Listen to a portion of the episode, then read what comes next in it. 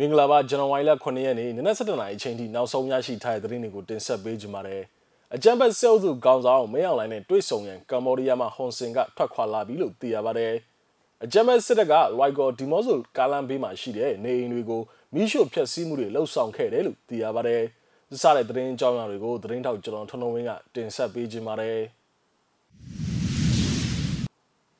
ထမဆုံးလေးနဲ့တင်ဆက်ပေးခြင်းတဲ့သတင်းကတော့အချမ်းဘတ်စစ်အုပ်စုခေါင်းဆောင်မင်းအောင်လှိုင်နဲ့တွေ့ဆုံရန်ကမ္ဘောဒီးယားဝန်ကြီးချုပ်ဟွန်ဆင်ကနေပြည်တော်ကိုဒီကနေ့ဇန်နဝါရီလ9ရက်နေ့နံနက်ပိုင်းအချိန်ကကမ္ဘောဒီးယားလေဆိပ်မှထွက်ခွာလာကြောင်းကို၎င်းရဲ့လူမှုကွန်ရက်စာမျက်နှာကနေတဆင့်အသိပေးထားပါတယ်။၎င်းလာရောက်မှာကိုကန့်ကွက်ဆန္ဒပြမှုများနဲ့ရှုတ်ချမှုများလည်းရှိနေပါတယ်။ကမ္ဘောဒီးယားနိုင်ငံဝန်ကြီးချုပ်နဲ့အာဆီယံအလှည့်ကျဥက္ကဋ္ဌလည်းဖြစ်တဲ့ဟွန်ဆင်ကအာဆီယံကိုစားပြုတဲ့အချမ်းဘတ်စစ်ကောင်စီဘက်မှ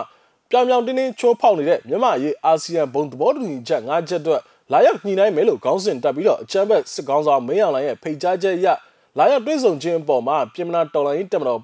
PRA အနေနဲ့ပြည်သူများရဲ့ဆန္ဒတိုင်းအပြင်းထန်ရှုတ်ချကြောင်းနဲ့၎င်းရဲ့ခီးစဉ်တစ်လျှောက်မှာလုံခြုံရေးအတွက်တာဝန်ယူမှာမဟုတ်ကြောင်းကိုနေပြီးတော့အခြေစိုက်မြို့ပြပျောက်ကြားတော်လိုင်းအင်အားစုများအနေဖြင့်အတိပေးထုတ်ပြန်ကြေညာထားပါသေးတယ်။ ဆလဘီတင်ဆက်ပေးခြင်းတဲ့သတင်းကတော့မွန်ပြည်နယ်ကြိုက်ထုံမြို့မှာရှိတဲ့လက်စစ်မီတာရုံးကိုယမနေ့ဇန်နဝါရီလ6ရက်နေ့ညနေ4နာရီချိန်ကဖောက်ခွဲတိုက်ခိုက်မှုတွေလှုပ်ဆောင်ခဲ့ကြောင်းကိုကြိုက်ထု Revolution Force KRF ဖွဲ့ကပြောဆိုလိုက်ပါတယ်။အမြဲတမ်းဝန်ထမ်းတယောက်ထိတယ်လို့တော့ကြားထားတာရှိတယ်။ထိခိုက်ပျက်စီးမှုကိုတော့တေချာအောင်ကျွန်တော်တို့စုံစမ်းနေသေးပါပဲလို့ကြိုက်ထု Revolution Force KRF အဖွဲ့တာဝန်ရှိသူတူကဆိုပါတယ်။ပြည်သူများထံမှမီတာခများလိုက်လံကောက်ခံနေတဲ့အဆိုပါမီတာရုံးကိုပထမဆုံးအကြိမ်ဖြစ် တတိပေးတဲ့အနေဖြင့်အော်တိုဘာလ23ရက်နေ့ကအတန်ပုံးဖြစ်ဖောက်ခွဲမှုတွေလှုပ်ဆောင်ခဲ့ပါသေးတယ်။သို့တော်ယခုအချိန်ထိမီတာကောက်ခံခြင်းမီးဖြတ်တောက်ခြင်းများပြုလုပ်နေတာကြောင့်ထပ်မံဖောက်ခွဲမှုတွေပြုလုပ်ရခြင်းဖြစ်တယ်လို့ဆိုပါတယ်။ကြိုက်ထုတ်မျိုးတဲ့အတွင်းမှာရှိတဲ့တချို့ကျေးရွာတွေမှာဥပမာကြိုက်ပြီးမှဆိုရင်မီးဖြတ်တာတွေပါလောက်တဲ့အထိပါတချို့ကျေးရွာတွေကလာတိုင်တာတွေရှိတယ်။အဲ့ဒါကြောင့်အရေးယူဆောင်ရွက်ရတာဖြစ်တယ်လို့၎င်းကဆိုပါတယ်။ နောက်ထပ်တင်ဆက်ပေးခြင်းတဲ့သတင်းကတော့ကရင်နီပြည်နယ်လွိုက်ကော်မြို့မှာအကြမ်းမဲ့စစ်ကောင်စီတပ်ကတိုက်ပွဲဖြစ်ပွားပြီးအပြန်မှာလွိုက်ကော်ဒီမော့ဆိုကားလန်တစ်လျှောက်မှာရှိတဲ့နေအိမ်များကိုယမနေ့ဇန်နဝါရီလ6ရက်နေ့ညနေ9:00နာရီချိန်ကမီးရှို့ဖျက်ဆီးမှုတွေလှုပ်ဆောင်ခဲ့တယ်လို့လွိုက်ကော်မြို့ခံတွေကဆိုပါတယ်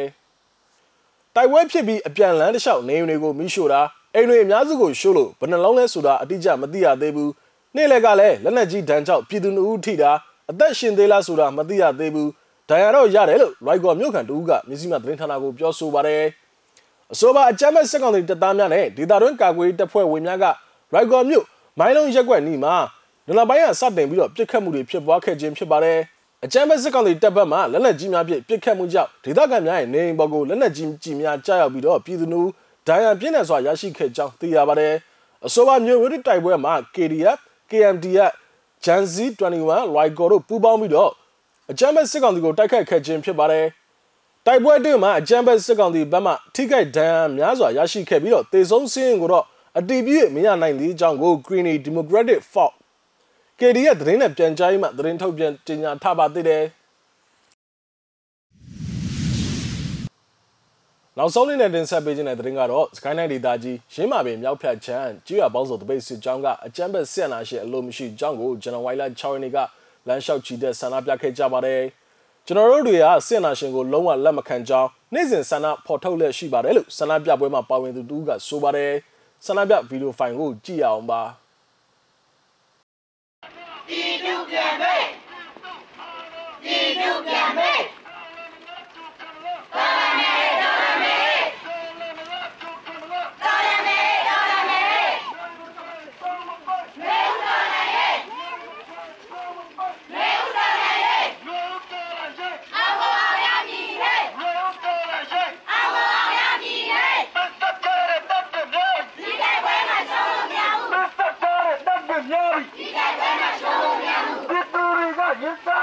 Até melhor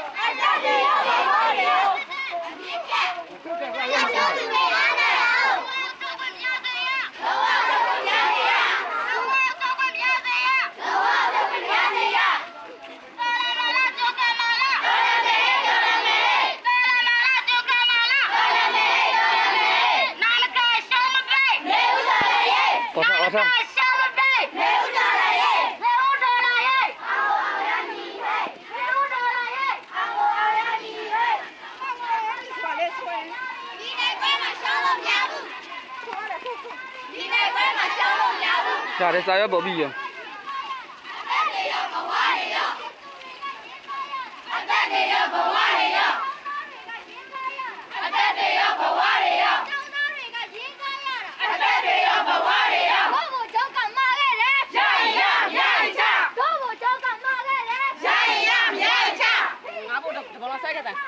လုံးချမကူဆွဲထားမယ်